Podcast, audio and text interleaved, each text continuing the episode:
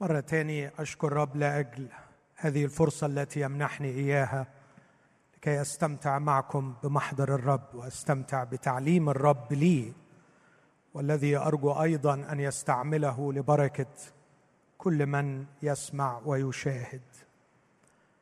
بدأت حديثي في الصباح مستكملا هذه السلسلة تكوين عقل مسيحي قادر على التعامل الصحيح مع الألم إذا سمحت حكمة الله لنا واجتزنا في ألام.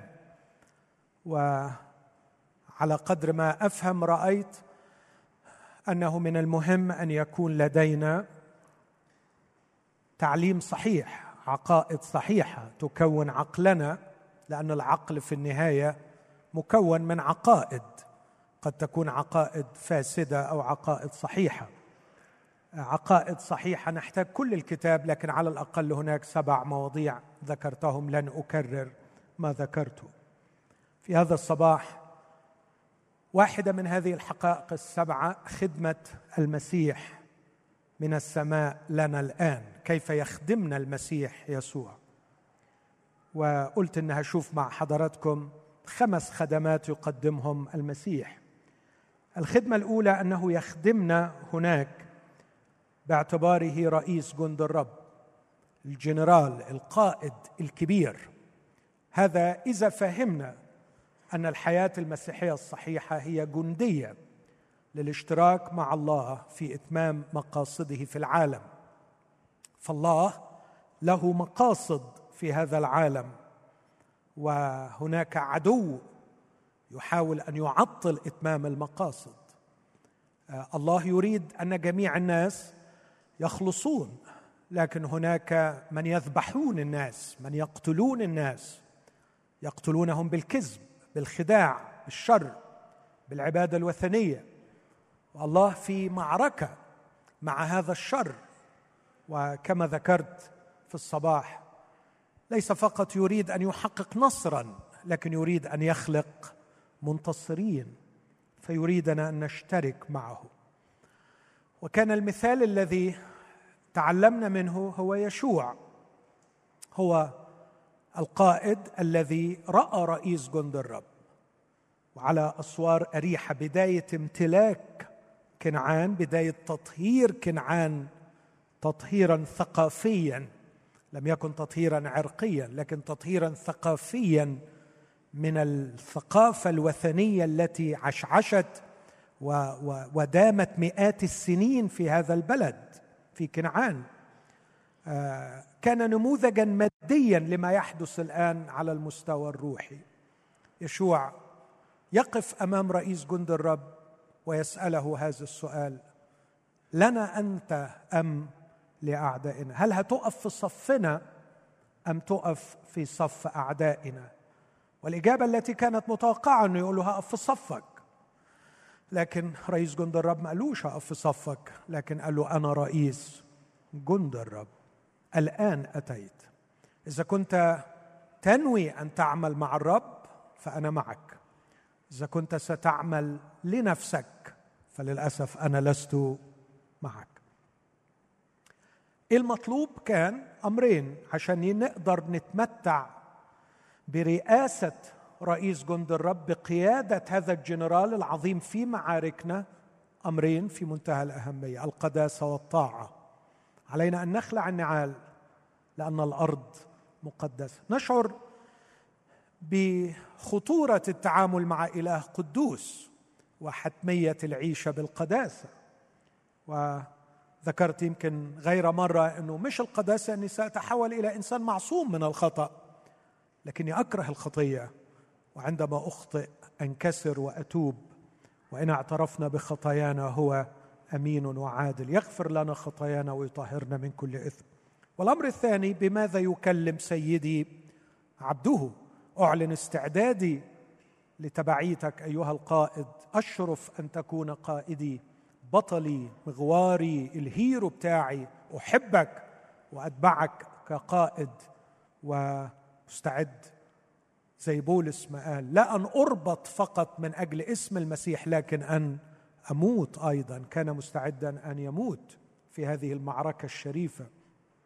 والواقع أحبائي إذا ما متناش في معركة من أجل المسيح إذا ما بذلناش حياتنا في هذه المعركة هذا لا يعني أننا لسنا في معركة. نحن مندمجين في معارك كثيرة لكن للأسف كلها معارك رخيصة بالمقابلة مع هذه المعركة. شخصيا لم أرى شخصا في حياتي لا يعيش صراعا ما لا يعيش في معارك. أو حد يفكر إن الحياة تخلو من الصراع. كلنا نصارع وكلنا نحارب. لكن الأمر إما أن نحارب حروب الرب كداود أو نعمل كشاول نحارب من أجل أنفسنا. من حارب حروب الرب أكرمه الرب. من حارب من أجل نفسه سقط قتيلا على جبل جلبوع. وفصل رأسه عن جسده. فكلنا نحارب لكن علينا أن نختار المعركة التي نحارب فيها. مرات كثيره ناس تقول لي ما بتتعب في الخدمة؟ فبضحك لأنه بتعب في الخدمة. طب وهم زملائي اللي بيشتغلوا ما بيتعبوش في الشغل؟ كله بيتعب. بس المهم نكون بنجاهد في إيه بالضبط؟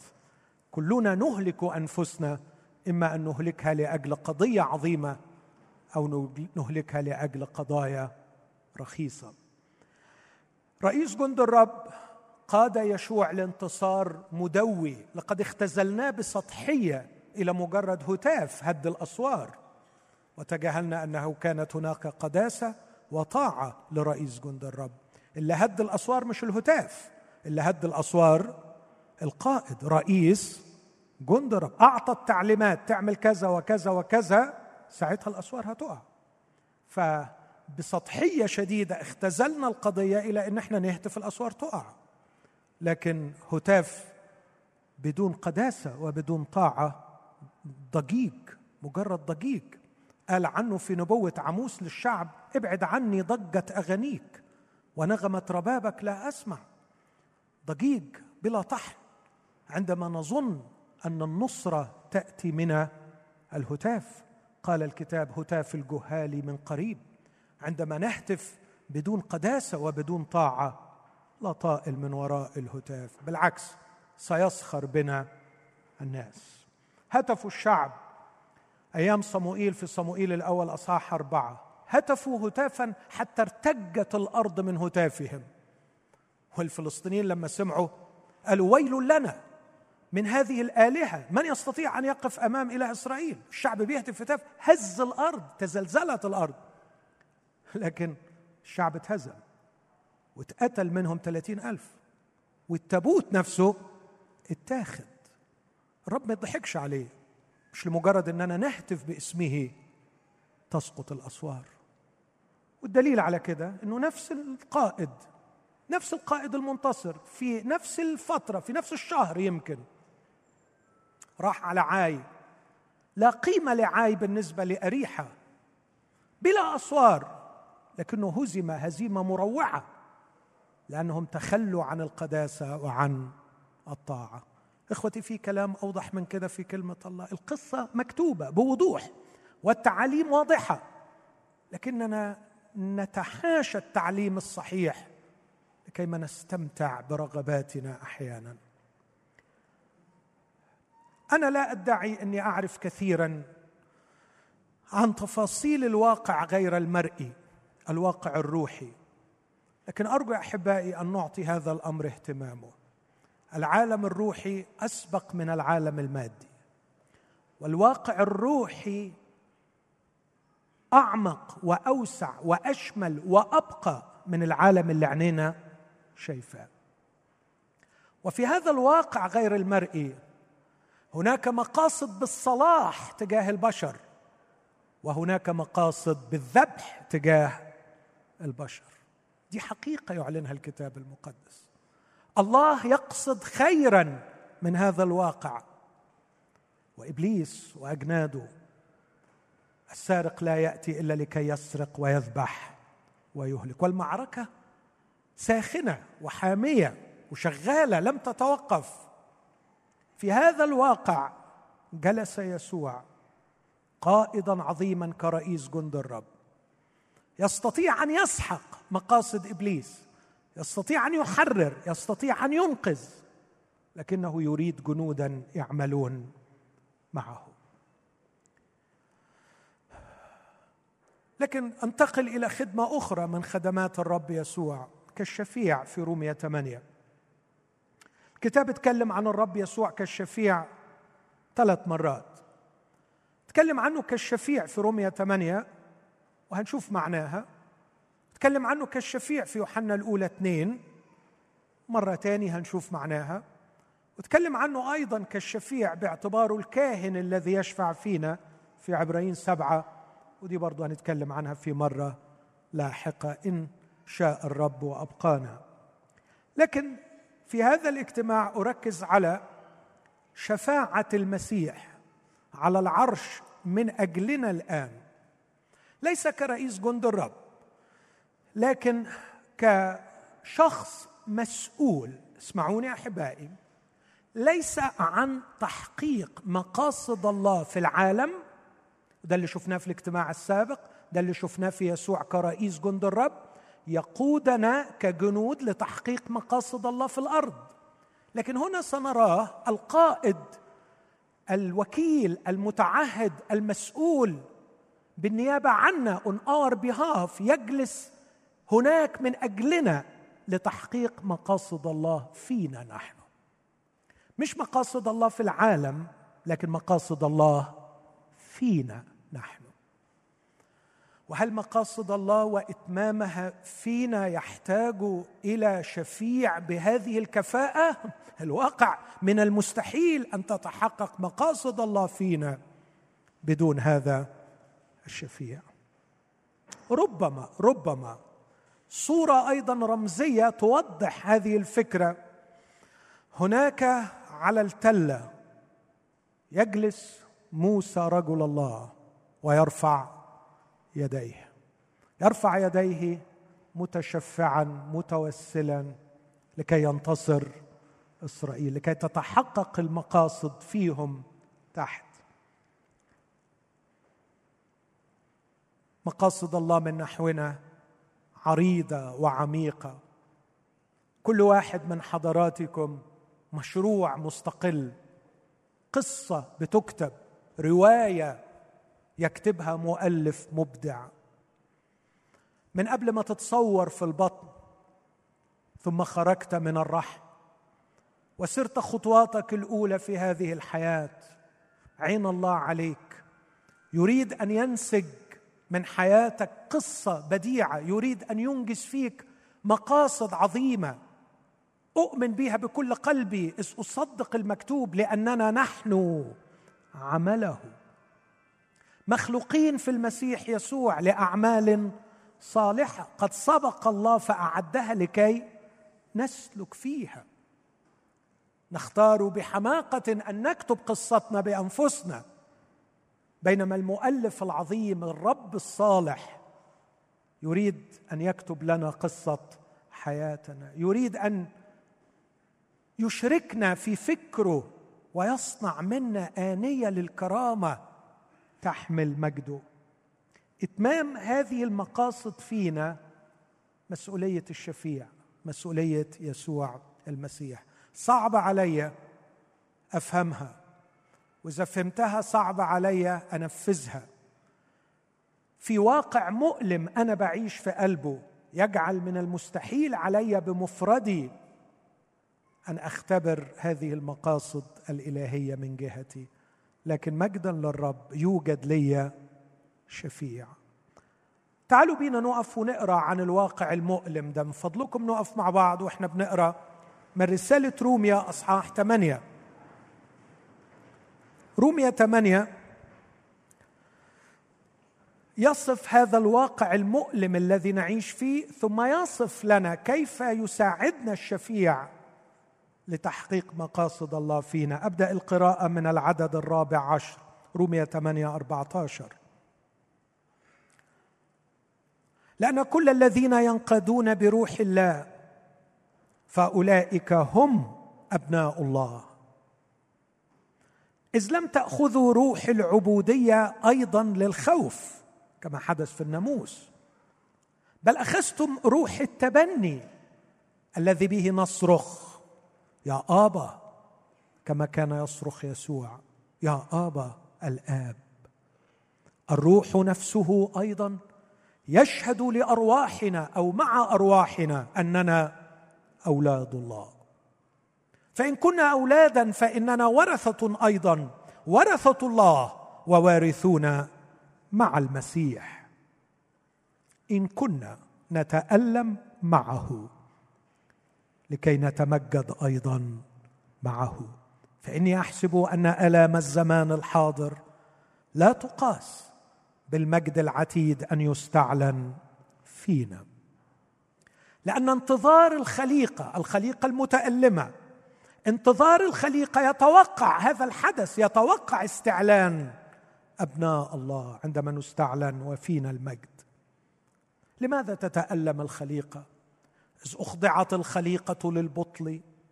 ليس طوعا مش بمزاجها بل من أجل الذي أخضعها. آدم حين سقط من أجل الذي أخضعها على الرجاء. لكن الخبر الرائع لأن الخليقة نفسها أيضا ستعتق من عبودية الفساد إلى حرية مجد أولاد الله. المجد الذي سيظهر فينا سيظهر أيضا في الخليقة. لكن إحنا اولا عدد 22 فإننا نعلم أن كل الخليقة تئن وتتمخض معا إلى الآن وليس هكذا فقط بل نحن الذين لنا بكوره الروح. أخذنا الباكورة باكورة بركات الله هي سكن الروح القدس فينا.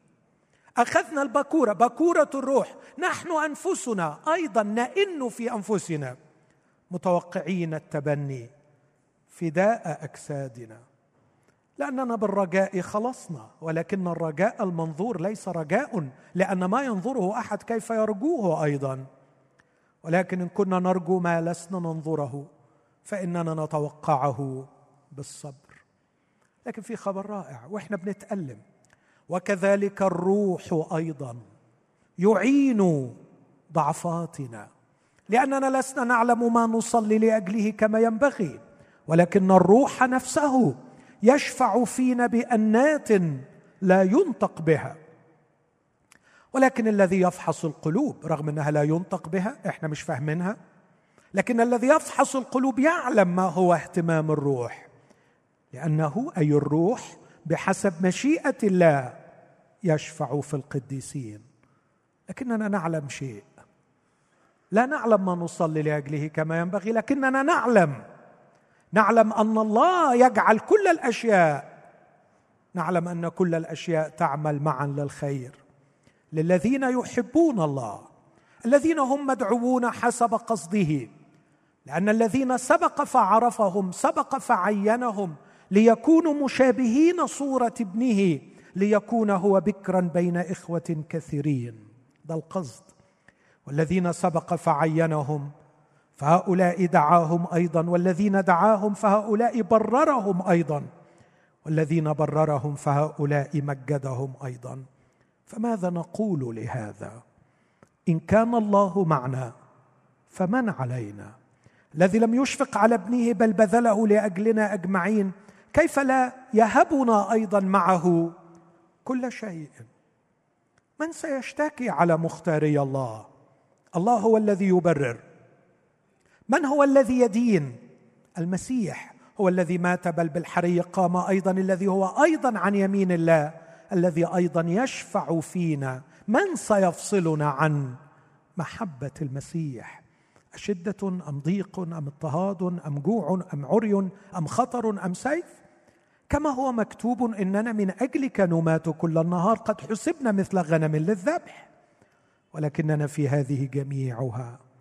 يعظم انتصارنا بالذي أحبنا.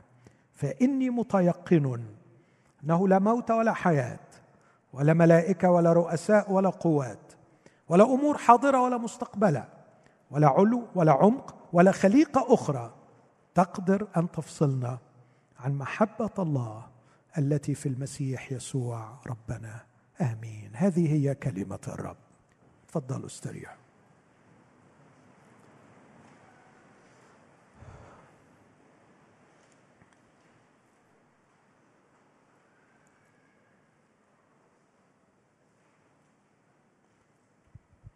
بدأ عمل الله فينا بأنه غيرنا من الداخل. اختبرنا الولادة الجديدة فدخلنا ملكوت الله. لكن رومية 8 بيعلن إعلان أعجب وأعظم. إعلان لم يخطر على بال إنسان في الماضي حتى مع القديسين الأوائل. الإعلان هو إنه مش روح الله فقط يولدنا ولادة ثانية لكن روح الله يأتي ويسكن فينا. هذا هو الجديد في المسيحية. هذه هي البركة العظمى أن الروح القدس يتخذنا مسكنا له يسكن فينا. هذا ما لم يستمتع به قديسين في العهد القديم. كان الروح يحل كان يلبس كان يستخدم لكن لم يكن يسكن. لقد ختمنا وأخذنا المسحه والروح القدس سكن فينا. هنا يستعرض الرسول خمس تعاليم في غاية الأهمية ناتجة عن سكن الروح القدس فينا. الأمر الأول أننا صرنا أبناء. وبما أننا أبناء فقد صرنا ورثة. وبما أننا أبناء وورثة مع المسيح علينا أن نتألم مع المسيح. هذا ما يعمله الروح القدس فينا. الكلام ده موجود في الأعداد اللي بدأت بها القراءة. مرة تاني في عدد 15 من فضلك. إذ لم تأخذوا روح العبودية أيضا للخوف بل أخذتم روح التبني الذي به نصرخ يا آبا الآب روح التبني. روح القدس اسمه روح التبني. يخليني أعرف مقامي كابن وكلم الله أبي كما كان يكلمه ربي يسوع المسيح. يسوع المسيح كان يتكلم الأرامية في فترة حياته على الأرض. وكلمة بابا بالأرامي آبا. كان يسوع كلما يصلي يقول يا آبا الآب. صلاه مسجله سجلها مرقس باللغة الأرامية. يا آبا الآب إن شئت أن تجيز عني هذه الكأس. آبا آبا. الآب. قصد بولس إنه يقول لنا ان روح التبني بيصرخ فينا نفس الكلمة نفس الكلمة اللي كان بيقولها يسوع. آبا روح التبني الذي به نصرخ يا آبا الآب.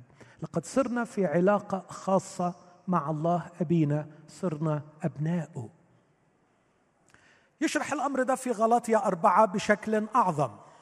لما جاء ملء الزمان أرسل الله ابنه مولودا من امرأة مولودا تحت الناموس ليفتدي الذين تحت الناموس لننال ممكن تجيبها من فضلك غلط يا أربعة لننال التبني. وبما أنكم أبناء أرسل الله روح ابنه إلى قلوبكم صارخا يا آبا الآب وتكون النتيجة يوصل للخلاصة ويقول بولس اذا لست بعد عبدا بل ابنا وإن كنت ابنا فوارث لله. جه النص الحمد لله. اذا لست بعد عبدا بل ابنا وإن كنت ابنا فوارث لله بالمسيح. هللويا. أنا لست عبدا. ابن. على فكرة إبراهيم عبد. وهو يتكلم مع الله يقول شرعت أن أكلم مولاي لكني أنا ابن. قبل مجيء الروح القدس كانوا الملائكة أبناء الله والبشر عبيد. بعد مجيء الروح القدس بقينا إحنا أبناء الله والملائكة بقيوا.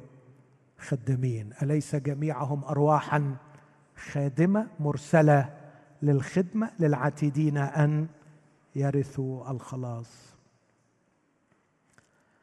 استمتع بحضن أبوك. طمن لأبوك. أبوك صالح. أبوك جميل. إن كانت صورة الأب تشوهت في ذهنك بسبب أباء أرضيين فشلوا أرجوك ارجع للكتاب المقدس واعرف إن الآب السماوي سوي هيلثي نقي صالح حكيم بيحب. ما بيتخدعش ما بيخدعش ما بيأذيش. كله صلاح. أنا ابنه وأنا وارث ليه لكن فوجئنا بيزود حتة غريبة كنا نتمنى أنه ما يحطهاش. لكن مش بمزاجنا. والكتاب آه كتبوه بشر لكن مش من دماغهم. مسوقين من الروح القدس. بص العبارة دي في عدد 17 16 بيقول الروح نفسه أيضا يشهد لأرواحنا أو مع أرواحنا. في الداخل بيطمني أن أنا ابن لله لكن يقول فإن كنا أولادا فإننا ورثة أيضا. ورثة الله ووارثون مع المسيح ويكمل معاها. إن كنا نتألم معه لكي نتمجد أيضا معه. هنا ليست ألام من أجله لكن ألام معه. إيه الفرق بين الألام من أجله والألام معه؟ الألام من أجله طبعا في أنواع أخرى من الألام. في ألام من أجل البر. إن تألمتم من أجل البر فطوباكم. في ألام من أجل اسم المسيح. إن تالمتم من أجل من أجل اسم المسيح فروح الله والمجد يحل عليكم. لكن هنا ما بيقولش ألام من أجل البر ولا ألام من أجل المسيح لكن بيقول نتألم معه.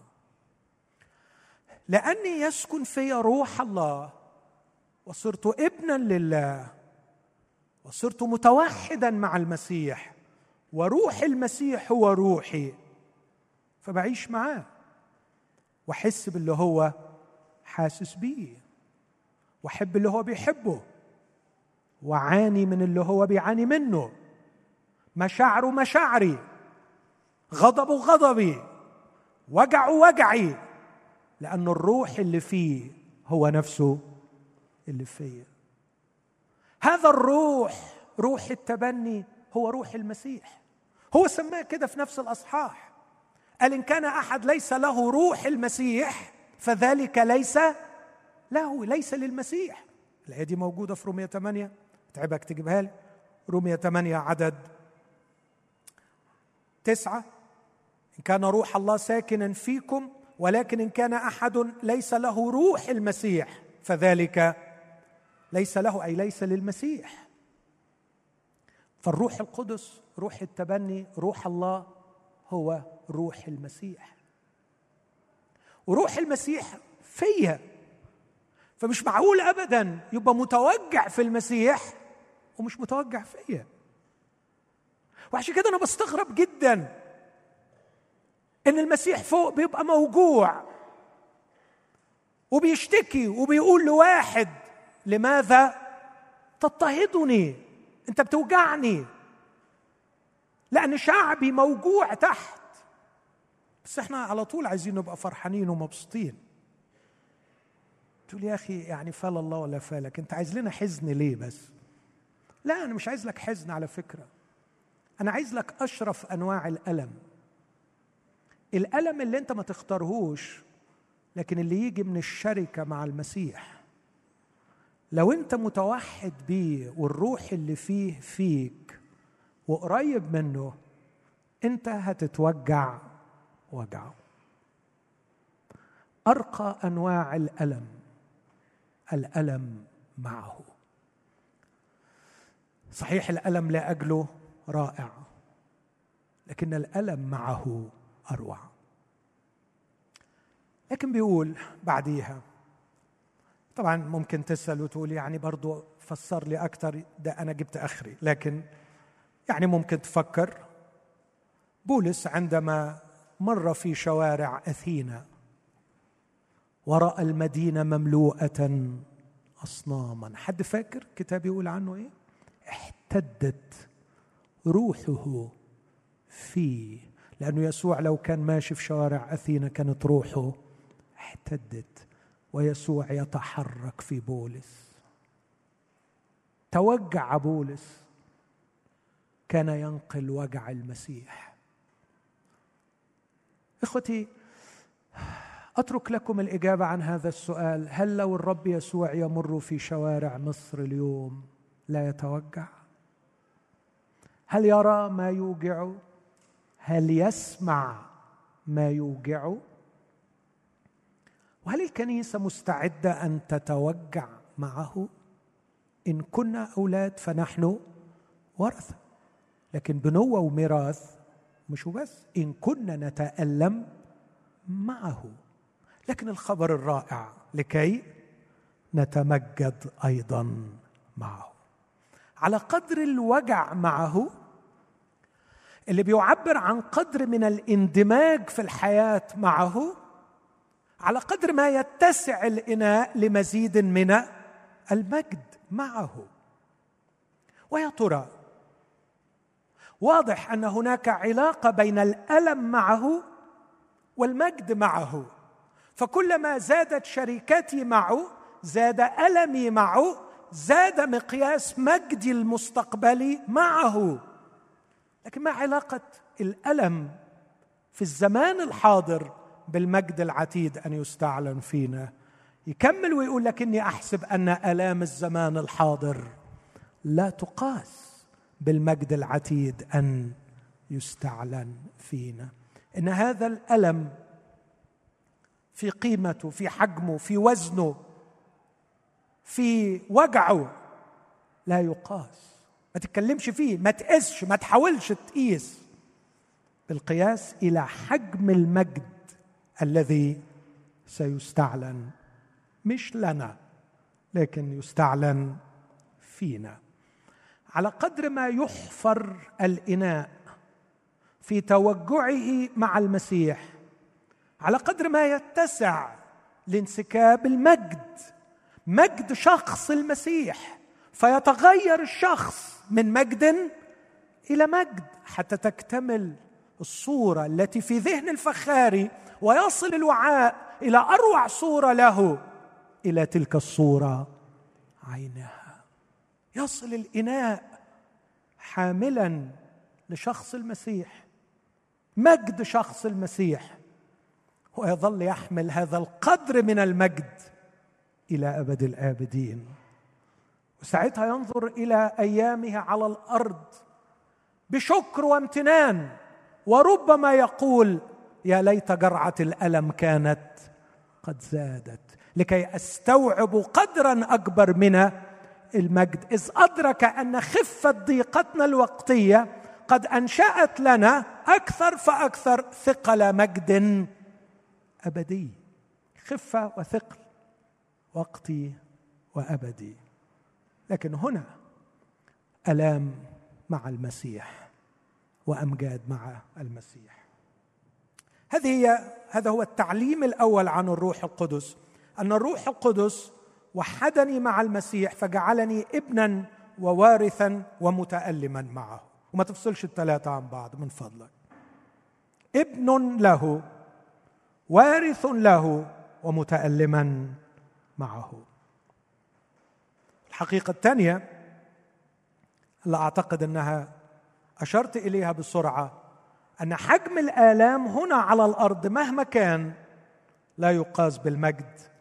العتيد أن يستعلن فينا. الحقيقة الثالثة أن الواقع الذي نعيش فيه هو واقع مؤلم خليقة تئن. حبايبي الغاليين أرجوكم أنا مش عايزكم تخافوا. في عينيكم نظرة خوف. عايزكم تطمنوا قوي. أنا ما عنديش ابدا أي شيء عكس اللي أنتم مؤمنين بيه من ناحية أمانة الرب وحلاوه وعظمته ورعايته وكفايته.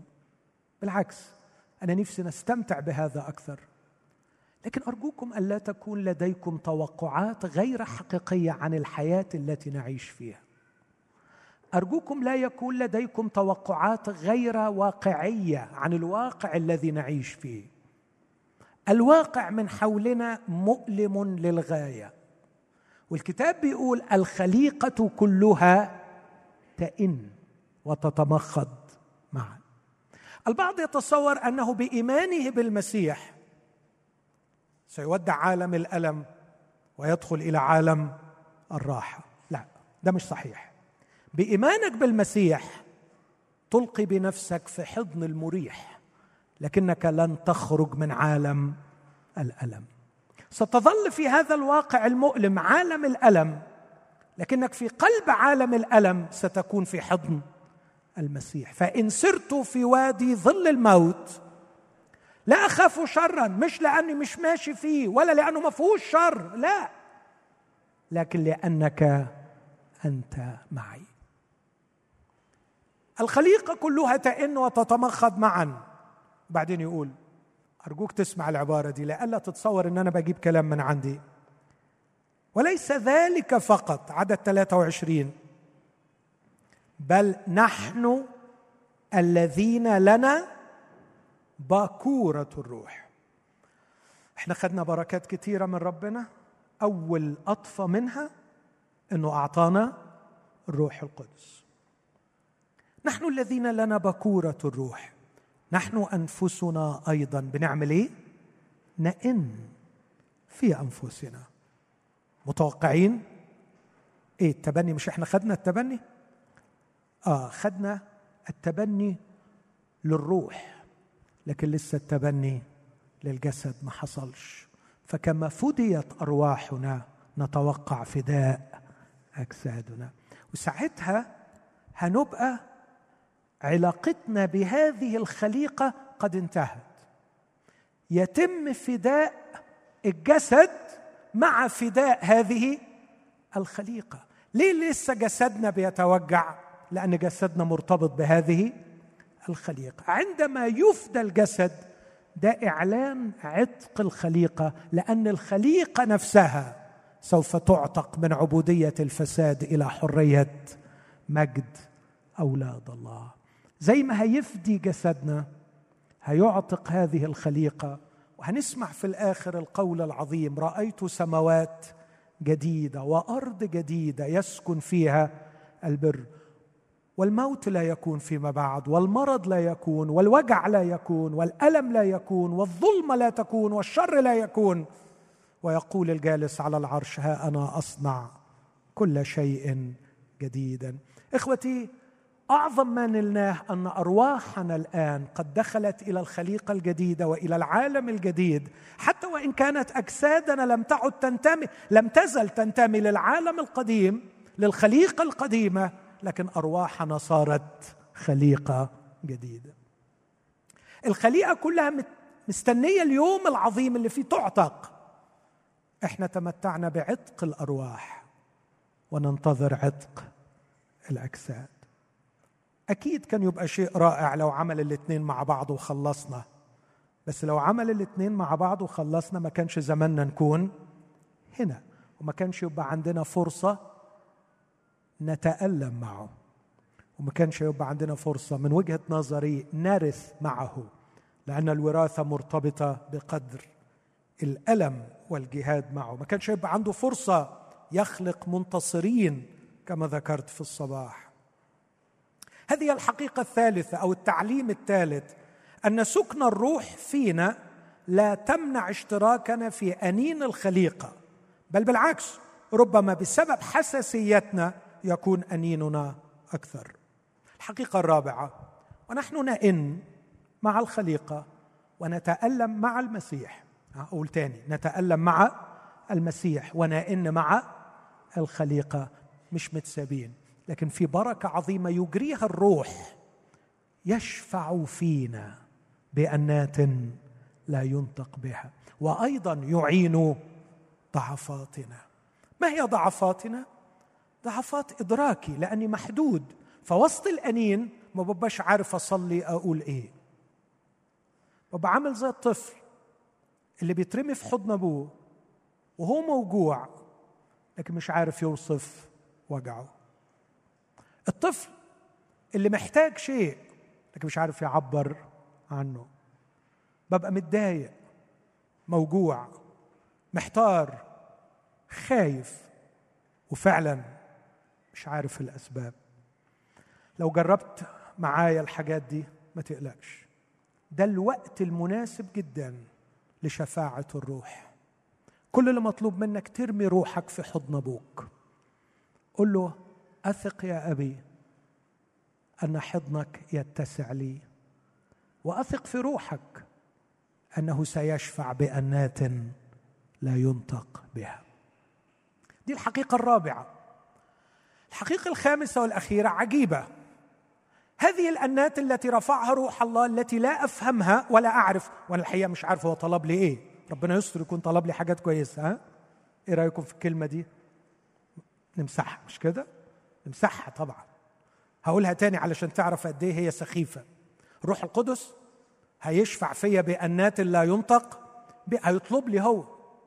لأنه لسنا نعلم ما نصلي لأجله كما ينبغي. أنا مش عارف أصلي أقول إيه. فعلا مش عارف أصلي أقول إيه. ما تخافش الروح القدس ساعتها. بس أنت ارفع قلبك وارمي روحك في حضن أبوك وروح القدس هيطلب لك. فأنت ممكن تقول يا دي المصيبة لا يطلب لي حاجة مش على مزاجي. ممكن تقول كده؟ امسحها دي الله يخليك. عيب ما يصحش. ده روح الله. تقول لي ما هو روح الله بس هو قال كلمة تخوف بعد كده. قال إيه؟ قال لأنه بحسب مشيئة الله يشفع. شفت؟ أهو بيشفع بحسب مشيئته. هو طب أنت عايز إيه؟ أنا عايز مشيئتي طبعا.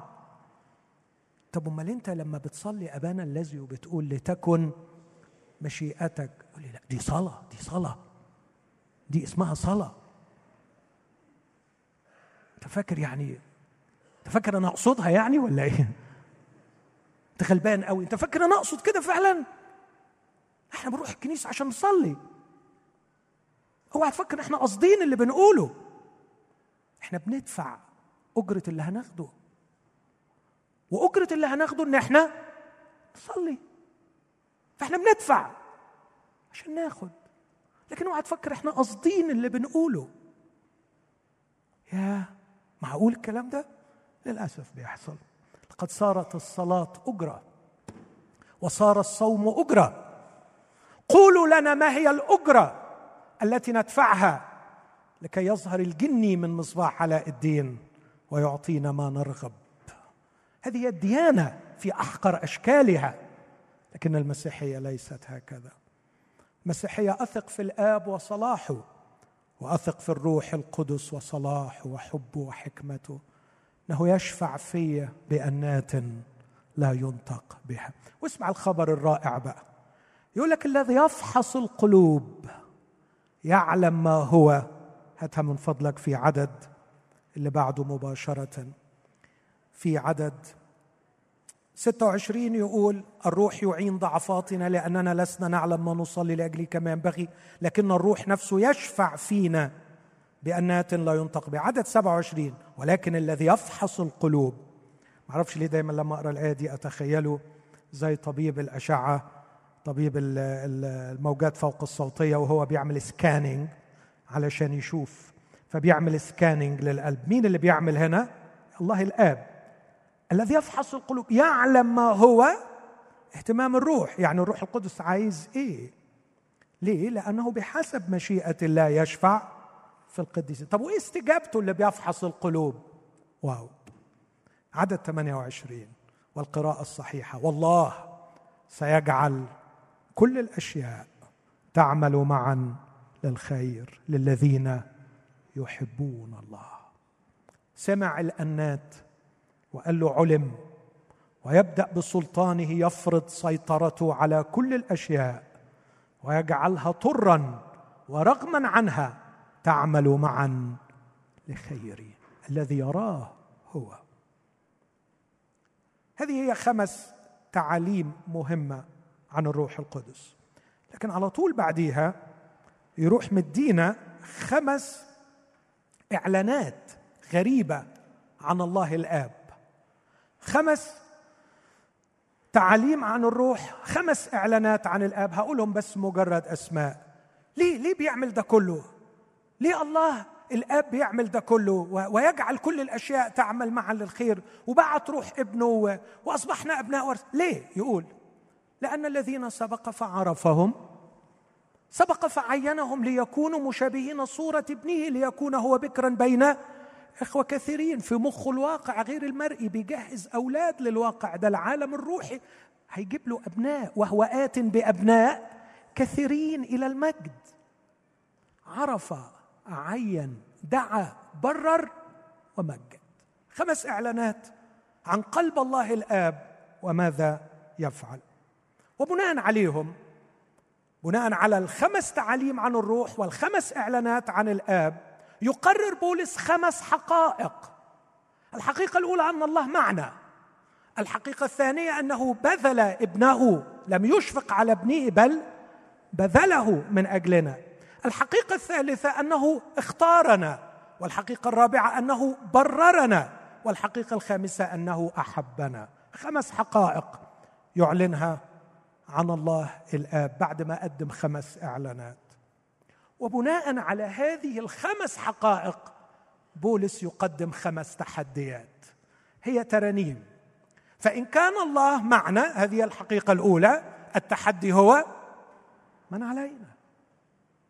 مين يبقى عليا الله قصد كل شيء صالح لي فمن يستطيع أن يكون ضدي. أي شر أقوى من صلاح الله. يا إبليس أقصد اللي عايز تقصده. إن كان الله معي فمن علي. لا تستطيع أن تقصد لي أذى بعد أن قصد لي الله الصلاح. الحقيقة الأولى أن الله معنا. الترنيمة الأولى والتحدي الأول هو من علينا.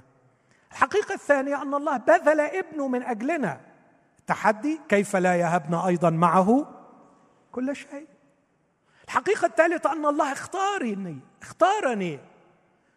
التحدي من سيشتكي على مختاري الله؟ الله اختار. أنت تفهم أحسن منه؟ أنت عايز تشكك في ذوقه؟ هو اختارني بالنعمة اختارني. مين يقدر يطلع عيب في حد ربنا اختاره. من سيشتكي على مختاري الله؟ الحقيقة الرابعة الله بررني. تحدي من يدين؟ الإجابة لا أحد. من يدين؟ إذا كان الله أنا مبرر من أعلى جهة قضائية في الكون. كأنه بيقول إذا كانت محكمة النقد أصدرت امرا ببراءتي ما ينفعش تيجي محكمة ابتدائية وتعمل إيه؟ تستذنبني. الله هو الذي يبرر. من هو الذي يدين؟ الإجابة لا أحد. لكن الحقيقة الخامسة ويقدمها بطريقتين أن الله أحبني. ودي نفسي أقف عندها كتير. الله أحبني. الله الآب أحبني. الله الابن أحبني. الله الروح القدس أحبني. الروح القدس أحبني. وجي سكن فيا. وبيشفع فيا وبيعني وبيخليني أقول أحلى كلمة يا آبا الآب. روح الله أحبني. لكن الله أحبني. وبولس يقول من سيفصلنا إني متيقن. لا موت ولا حياة ولا رؤساء ولا قوات ولا سلاطين ولا خليقة حاضرة ولا خليقة مستقبلة ولا أمور حاضرة ولا أمور مستقبلة ولا خليقة أخرى. تقدر أن تفصلنا عن محبة الله. مش محبة المسيح هنا. محبة الله التي في المسيح يسوع. لكن كمان من سيفصلنا عن محبة المسيح؟ هذه هي الحقائق الخمسة وهذه هي التحديات الخمسة. والسؤال اللي أطرحه وأحاول أجاوب عنه طب بناء على إيه جايب الثقة دي كلها؟ بناء على إيه جايب الثقة دي كلها. إن مقاصد الله مقاصد محبة الله من جهتك سوف تتم في هذه الحياة. إيه اللي يجيب لك الضمان؟ ما عنديش غير ضمان واحد المسيح شفيعي. المسيح يشفع في المسيح الذي مات بل بالحري قام أيضا. الذي هو أيضا عن يمين الله الذي يشفع فينا. ما الضمان؟ إن كل الأفكار الجميلة التي افتكر بها علي أفكار الخير والسلام إيه الضمان إنها تتم؟ أنا ما اضمنش روحي. ومفيش كنيسة تضمني ومفيش قسيس يضمني لكن لي شفيع على العرش. يجلس هناك. من اجلي يجلس لكي يتمم مقاصد الله فيا كلمة شفيع هنا في اليوناني مختلفة تماما عن كلمة الشفيع اللي جت في يوحنا الأولى أصحاح اثنين لما بيقول وإن أخطأ أحد فلنا شفيع. شفيع في يوحنا الأولى اثنين باراكليتوس المشهورة اللي جت عن الروح القدس. وهناك الشفاعة تتجه إلى حد ما للجوانب القانونية والقضائية. لكن الشفاعة في رومية 8 تتجه إلى الجوانب التنفيذية. من يقدر أن ينفذ في مقاصد الله أبي؟ اللي الروح القدس تشفع وطلبها واللي الآب فحص وعرفها. من يضمن إتمام كل هذه المقاصد فيا. المسيح اشفع فينا. اسمع بقى في ضوء الشرح ده العبارات دي وهو بيقول التحديات الخمسة. ابتداء من عدد 31 فماذا نقول لهذا؟ إن كان الله معنا اقرأ معايا. اقرأ عشان تتعزى وتتشجع وانت بتردد كلمة الله. فمن علينا. الذي لم يشفق على ابنه بل بذله لأجلنا أجمعين كيف لا؟ يهبنا أيضا معه كل شيء. من سيشتكي على مختاري الله؟ دي لوحدها خلصانه من سيشتكي على مختاري الله؟ الإجابة انكلودد في النص مستحيل. الله اختار مين يشكك في اختياره ويشتكي على اختياره. بعدين السؤال اللي بعده الله هو الذي يبرر. من هو الذي يدين الإجابة لا أحد. بعدين يحط بقى الحقيقة الأخيرة المسيح هو الذي مات بل بالحرية قام أيضا الذي هو أيضا عن يمين الله الذي أيضا يشفع فينا فمن سيفصلنا عن محبة المسيح ويعدد السبع أشياء. أنا هختم بان أقول كلمتين صغيرين على هذا الشفيع وبعدين نصلي مع بعض. في التحدي الثاني أو التحدي الأولاني إن كان الله معنا فمن علينا. أتمنى إنها تتفهم بصورة أعمق من آه، ربنا معاك. لا أعمق. إن كان الله لنا for us إن كان الله لنا فمن ضد لنا. هو طبعا أكيد بولس بيقصد إبليس وشره. الله قصد لنا. إبليس بيقصد ضد لنا. ولا ما بيقصد لكمش ابليس قصد لكم شر. لكن أبوكم السماوي قاصد خير. وأكيد الله بخيره أقوى من إبليس بشره. فإن كان الله لنا فمن عليه. الحتة الثانية مهمة. الذي لم يشفق على ابنه بل بذله يعني أعطاه لنا لم يمسك ابنه عنا. كيف لا يهبنا أيضا؟ أسمع منكم. معه ثالث مرة نشوف معه دي. نحن نرث معه نتمجد معه نتألم معه دي الرابعة. ولما ناخد حاجة ناخدها معاه حاول تشيل معه دي وتقرأ الآية. الذي لم يشفق على ابنه بل بذله لأجلنا أجمعين كيف لا يهبنا أيضا كل شيء؟ إيه رأيك؟ إيه رأيك فيها بالطريقة دي؟ أحلى ولا وحش؟ لا عايز أسمع بأمانة منكم بجد. اعتبروه كده Bible study وجاوبوني بصحيح. أحلى ولا أوحش؟ طب ركزوا بس. بيقول كيف لا يهبنا أيضا؟ كل شيء كل شيء. يعني ال BM اللي بتحلم بيها؟ يعني القصر اللي بتحلم بيه؟ يعني بنت السلطان اللي بتحلم بيها؟ يعني فارس الأحلام اللي بتحلمي ما هو بيقول أهو. ما هو بيقول. كيف لا يهبنا أيضا؟ كل شيء. لا مش كل شيء. كيف لا يهبنا أيضا؟ معه. معه. حلوة دي ولا وحشة؟ بس هتضيق الدنيا شوية. يعني مش هتاخد حاجة إلا معاه. بمعنى يعني لو حاجة مش على مزاجه أنت يا غلبان مش هتاخدها. حلوة غلبان دي؟ لا طبعا مش غلبان. لا طبعا. لا ده أنا ده أنا ده أنا أعظم الناجحين. لو كنت في الدنيا ما أخدش إلا معاه. أي حاجة مش معاك أخاف منها. أي حاجة مش معاك عمرها ما تبقى ليا. مش بعيد ابدا تبقى ضدي. حد شاف عطايا بتأذي؟ ممكن أحكي لك كتير قوي حد شاف ناس خدت عطايا بتأذي؟ أيوه. إذا ما كانتش العطية معاه بلوى بلوى نقمة وليست نعمة. لا يا رب أنا مش عايز حاجة إلا معاك. هو بيقول كيف لا يهبنا أيضا معه. كل شيء يس كل شيء. كل شيء لإيه؟ كل شيء يخدم قصد الله فيك. كل شيء يخليك تتغير إلى تلك الصورة.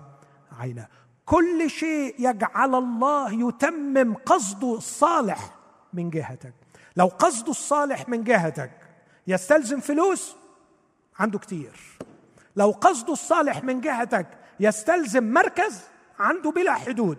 لو قصده الصالح من جهتك يستلزم قوة أو صحة مش هيتأخر. هو يعرف أن يعطي كل شيء كل شيء.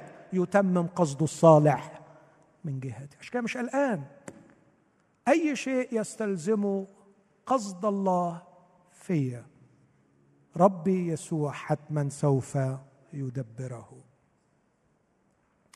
لكن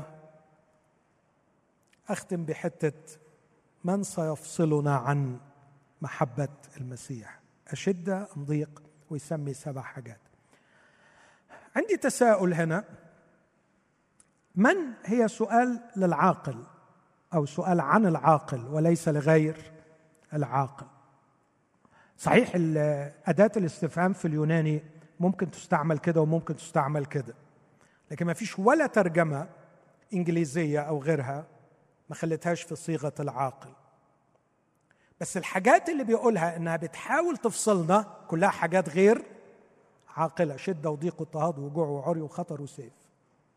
إيه المقصود؟ المقصود إن في شخص عاقل بيستعمل أشياء غير عاقلة لكي يفصل بيني وبين محبة المسيح. كلمة من سيفصلنا عن محبة المسيح؟ يفصلنا دي أول مرتين جت في العهد الجديد جت بخصوص الجواز. ما جمعه الله لا يفرقه يفرق. وكانوا بيقول مين هيفرقني؟ عن حبيب الروح بعد ما التصقت به. وصرت واحدا معه. مين؟ مين؟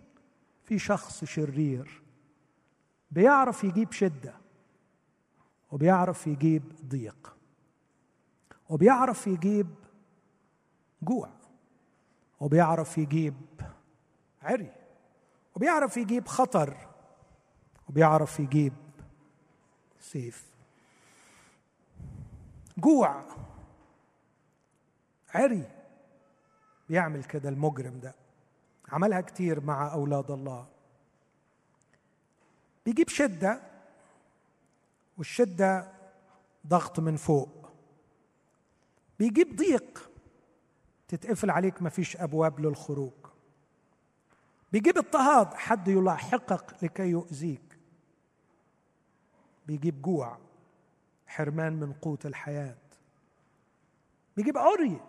حرمان من كسوة الحياة كسوة الجسد. لكن ممكن يجيب خطر تهديد بالموت وممكن يجيب سيف موت. ابليس بيعمل كده. والغرض من كده مش الحاجات دي في حد ذاتها ودي اللي نفسي نفهمها. إبليس مش غرضه إنه يشوفك جعان دي ما تفرقش معاه. ولا غرضه إنه يشوفك عريان. غرضه يفرق بينك وبين حبيبك. غرضه يحط بذرة شك تفصل بينك وبينه. غرضه إن ما جمعه الله يفرقه شيطان. بس مش في الجواز لكن في العلاقة مع المسيح. رسول بولس قال من التصق بالرب فهو روح واحد. بس بولس بيقول المسيح الشفيع سيعمل فيا وسيعمل معي بحيث وأنا بجتاز في كل هذه الألام لن أسمح له أن يفصلني عن محبة المسيح. هفضل متيقن إنه بيحبني. دي مش شطارة مني لكن ده بسبب كفاءة شفيعي. وده يخليكم تفهموا أو تفسروا إن في مؤمنين كتير عدوا في ظروف مروعة. في نفس الوقت مستمتعين بمحبة المسيح وبيشهدوا إنه هو بيحبهم وما فقدوش حبهم. لي أو إمداد محبته لهم. أنا بشوف إن محبة المسيح هي غذاء الروح. يدفق في هذا الغذاء فتحيا روحي فأقدر أرنم. يا المسيح يقدر يعمل كده؟ آه. ليه؟ عشان عنده المؤهلات الآتية. المسيح الذي هو اللي بيقول كده هات لنا من فضلك العدد ده. المسيح الذي مات بل بالحري قام أيضا. الذي هو أيضا عن يمين الله الذي أيضا يشفع فينا. عدد 34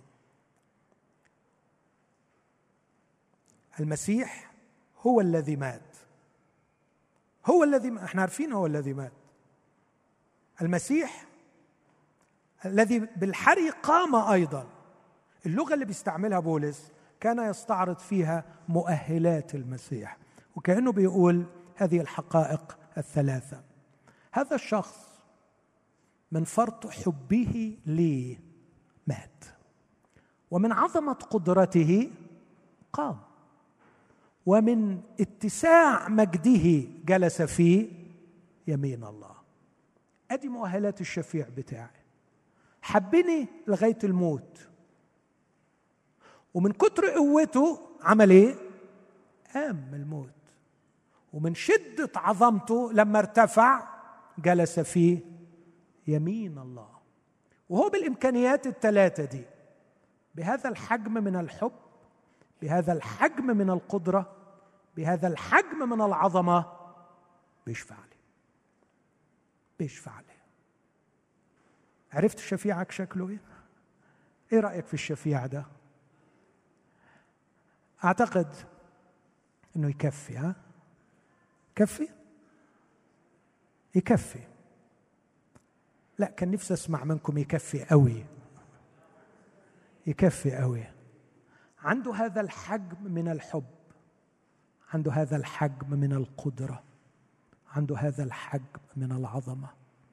لا أعرف شفيعا آخر أحبني حتى الموت.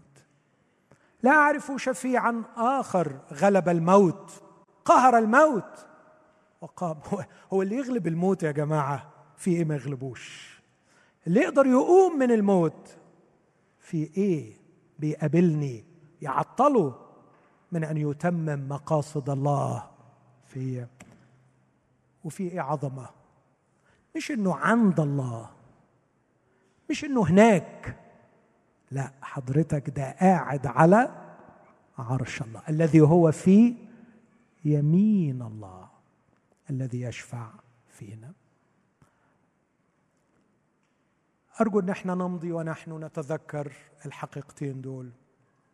يسوع على العرش سيفه مسلول في يده. يسوع على العرش قلبه فائض بالحب لعروسه. يسوع على العرش رئيس جند الرب يدعوني لأخرج من مكان راحتي وألتحق به كجندي أتبعه إلى الميادين ميادين الحمى حيث الصراع سأعمل معه وأحارب معه. لأتمم معه مقاصد الله من جهة العالم. ويسوع على العرش شفيعي يعمل بكل اجتهاد ليتمم مقاصد الله. في أنا شخصيا أن أكون مشابها لصورته وأن يعرف كل مقاصد الله ويحققها في وهو يستعمل كل إمكانياته لكي ما يحقق هذا.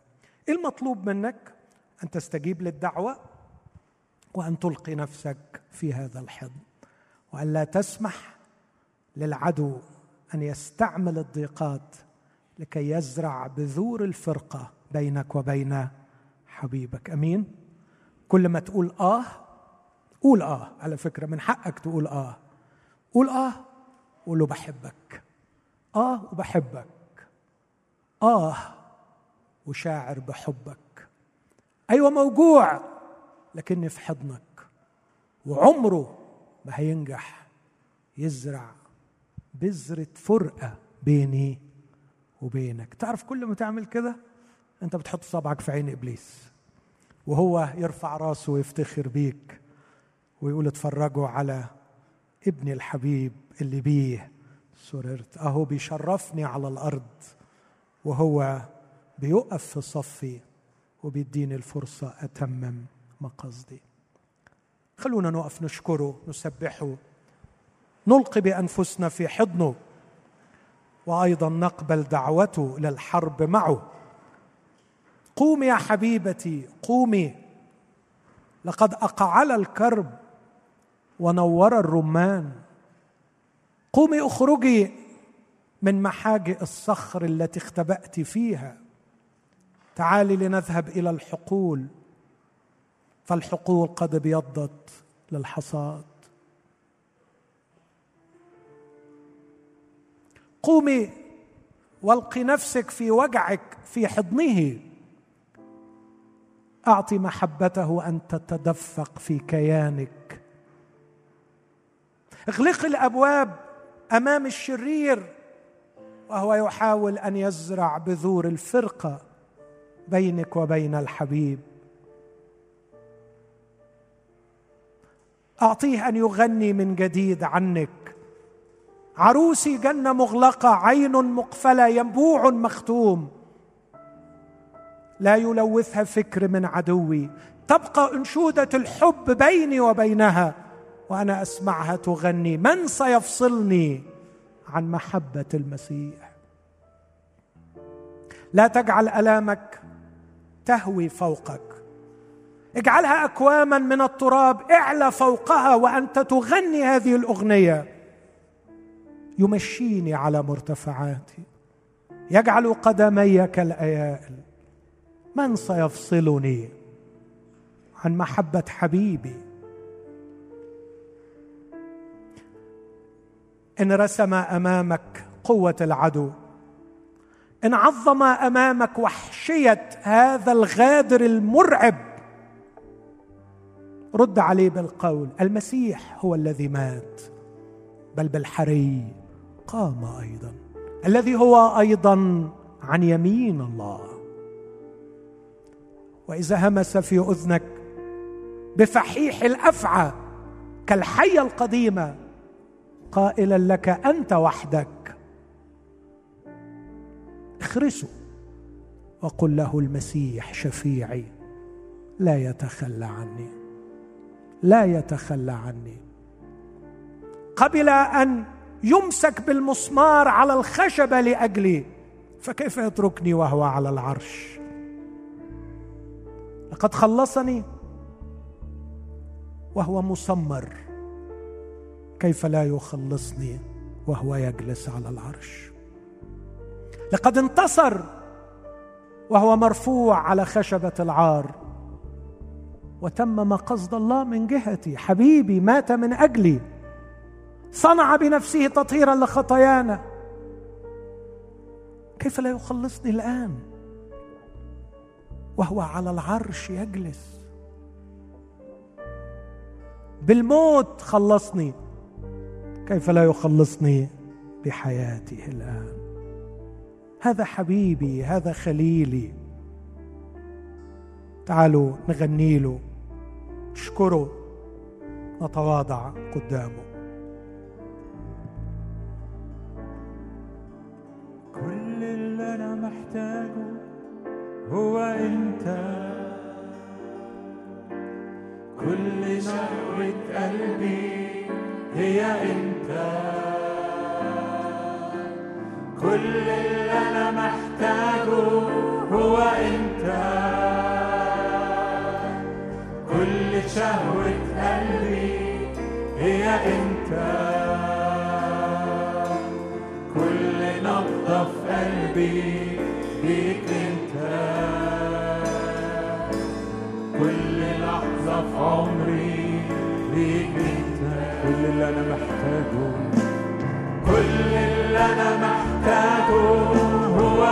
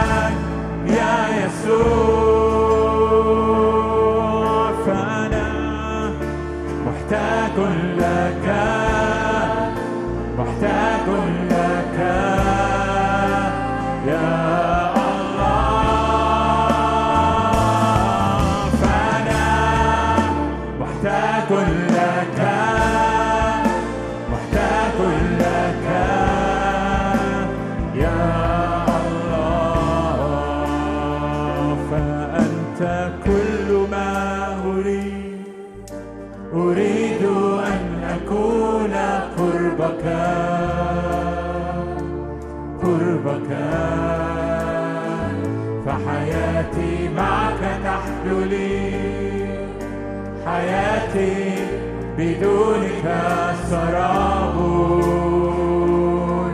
سراب فأنت كل ما أريد أريد أن أكون قربك قربك. فحياتي معك تحلو لي حياتي بدونك سراب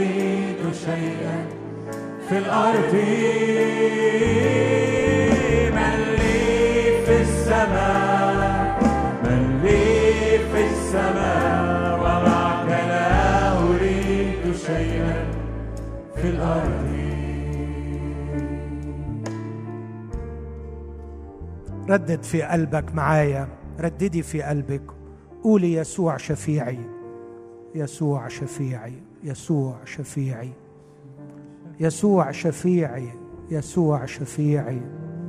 يسوع حبيبي يسوع حبيبي. يسوع حبني مات من أجلي. يسوع غلب الموت وقام. يسوع على العرش شفيعي يشفع من أجلي. وجه له الكلام قل له أنت شفيعي أنت حبيبي. أنت شفيعي أنت شفيعي. أنت شفيعي. أنت على العرش لأجلي. أنت هناك من أجلي. أنت هناك من أجلي. كل قوى العدو تحت قدميك. أنت أعلى أنت أقوى. أنت أعظم من كل مؤامرة تحاك ضدي. أنا لا أعرف ماذا يجري في الظلمه ولا أريد أن أعرف؟ أعرف شيئا واحدا أنك هناك من أجلي.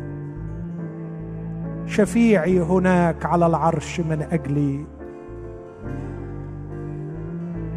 انتهر كل روح شرير كل روح كذب. بيقول لك أنت لوحدك أنت متروك. قل له يسوع شفيعي اخرسه. اخرس العدو بهذه الكلمة. يسوع لي يسوع معي يسوع شفيعي. ردد هذا كثيرا في قلبك. ومن أجل ذلك أرجوه. طيب هو الرب للذين يترجونه للنفس التي تطلبه. يسوع على العرش من أجلي. حبيبي من أجلي. حبيبي من أجلي. سمر من أجلي. ذبح من أجلي. بصق عليه من أجلي أخذ العار من أجلي. كيف يتركني؟ لا يمكن يتخلى عني. حبيبي على العرش حبيبي على العرش. أنت شافي نفسي أنت شافي جروحي. أنت تعرف توصل محبتك لأعماقي فتشفيني. تشفيني من كل خيانة ليك. تشفيني من كل شك فيك. تشفيني من كل حب شيء غريب معاك. دفق يا حبيبي حبك في أعماقي. اطلق دفقات الحب في داخلي لتبرئني. من كل إله غريب من كل خيانة ليك. ارجعني من جديد عفيفا لك. كما خطبتني عذراء عفيفه للمسيح. أيها الشفيع ننتظر فعل شفاعتك فينا. ننتظر عمل شفاعتك فينا. في واقع مؤلم من حولنا وواقع مؤلم في داخلنا. ننتظر قوتك أيها المقام يا من قهرت الموت قوة قيامتك. قوة قيامتك تغلب ضعفنا. قوة قيامتك تهزم كل خيانة فينا. قوة العرش الذي تجلس عليه تحطم. أي قصد لعرش مضاد لعرشك؟ أنت الرب في العلا أقدر. أحبك يا شفيعي أحبك. مطمئن في حضنك. واثق في خدمتك. لن تتركني. لن تتركني ابدا.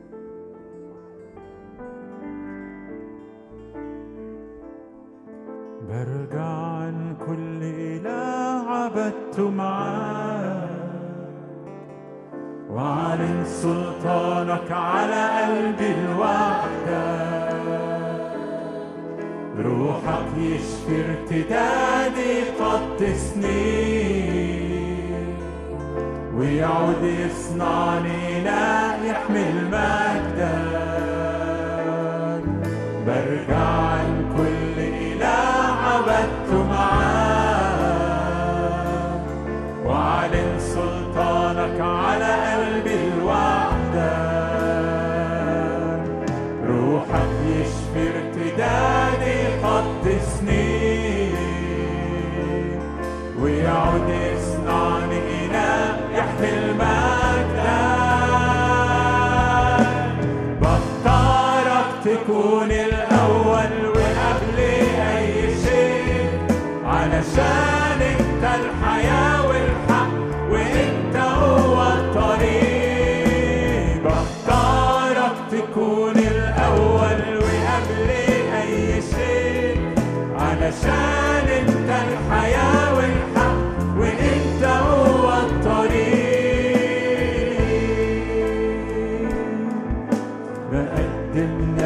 ذبيحة حية ليك مقدسة ومرضية أمامك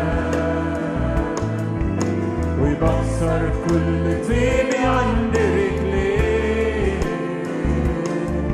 ما بقاش في حياتي غالي قدامك بقدم نفسي ذبيحة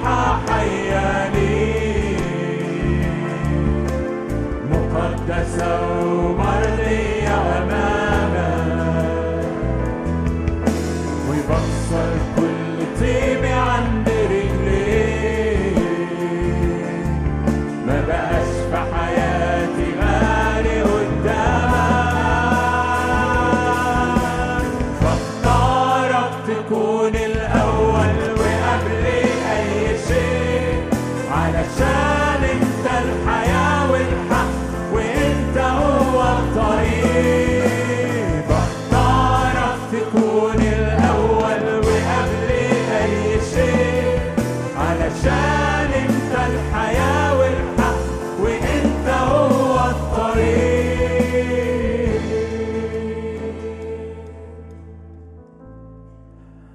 أعرف يقينا إن في كتير غاليين على قلبك في هذا المكان.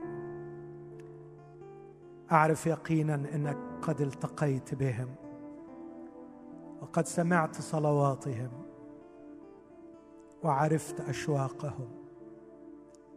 أتضرع إليك. أضم توسلي إلى توسلهم. راجيا أن تسمع صلاتنا وتستجيب لنا. استجب يا رب طلبة عبيدك. اشبع أشواقهم. أعلنوا احتياجهم لك. طمئنهم أنك لن تتخلى أبدا. قل لكل واحد فيهم أنا شفيعك. أنا لك. أنا لك. كثيرون لو سمعوها من شخص عظيم في هذا العالم لاطمأنت قلوبهم للأسف. لكن أنت مش شخص عظيم أنت الأعظم أنت على العرش أنت الصادق أنت اللي حبيت بكل قلبك. اغسلنا اغسلنا اغسلنا بهذا القول المبارك وأنت تقول لكل واحدة وواحد أنا لك. واعطنا من القلب. أن نجيب ونقول ومعك ومعك لا أريد شيئا في الأرض. أنت لنا ومعك لا نريد شيئا. اقبل واستجب. آمين.